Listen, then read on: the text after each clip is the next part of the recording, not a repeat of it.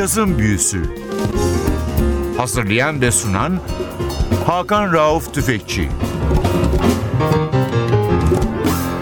NTV Radyo'ya cazın büyüsüne hoş geldiniz. Ben Hakan Rauf Tüfekçi ve Atli Özdal. Hepinizi selamlıyoruz. Bu hafta sizlere peş peşe iki hafta boyunca çalacağımız albümün ilk bölümünü çalacağız. Albüm bir Fransız albümü RCA Victor'un 1959'da yayınladığı ve 97'de BMG Fransa'nın tekrar ele alıp master kayıtlarını gözden geçirdiği bir çalışma. Albüm ismi Barney, albümün sahibi Barney Villain.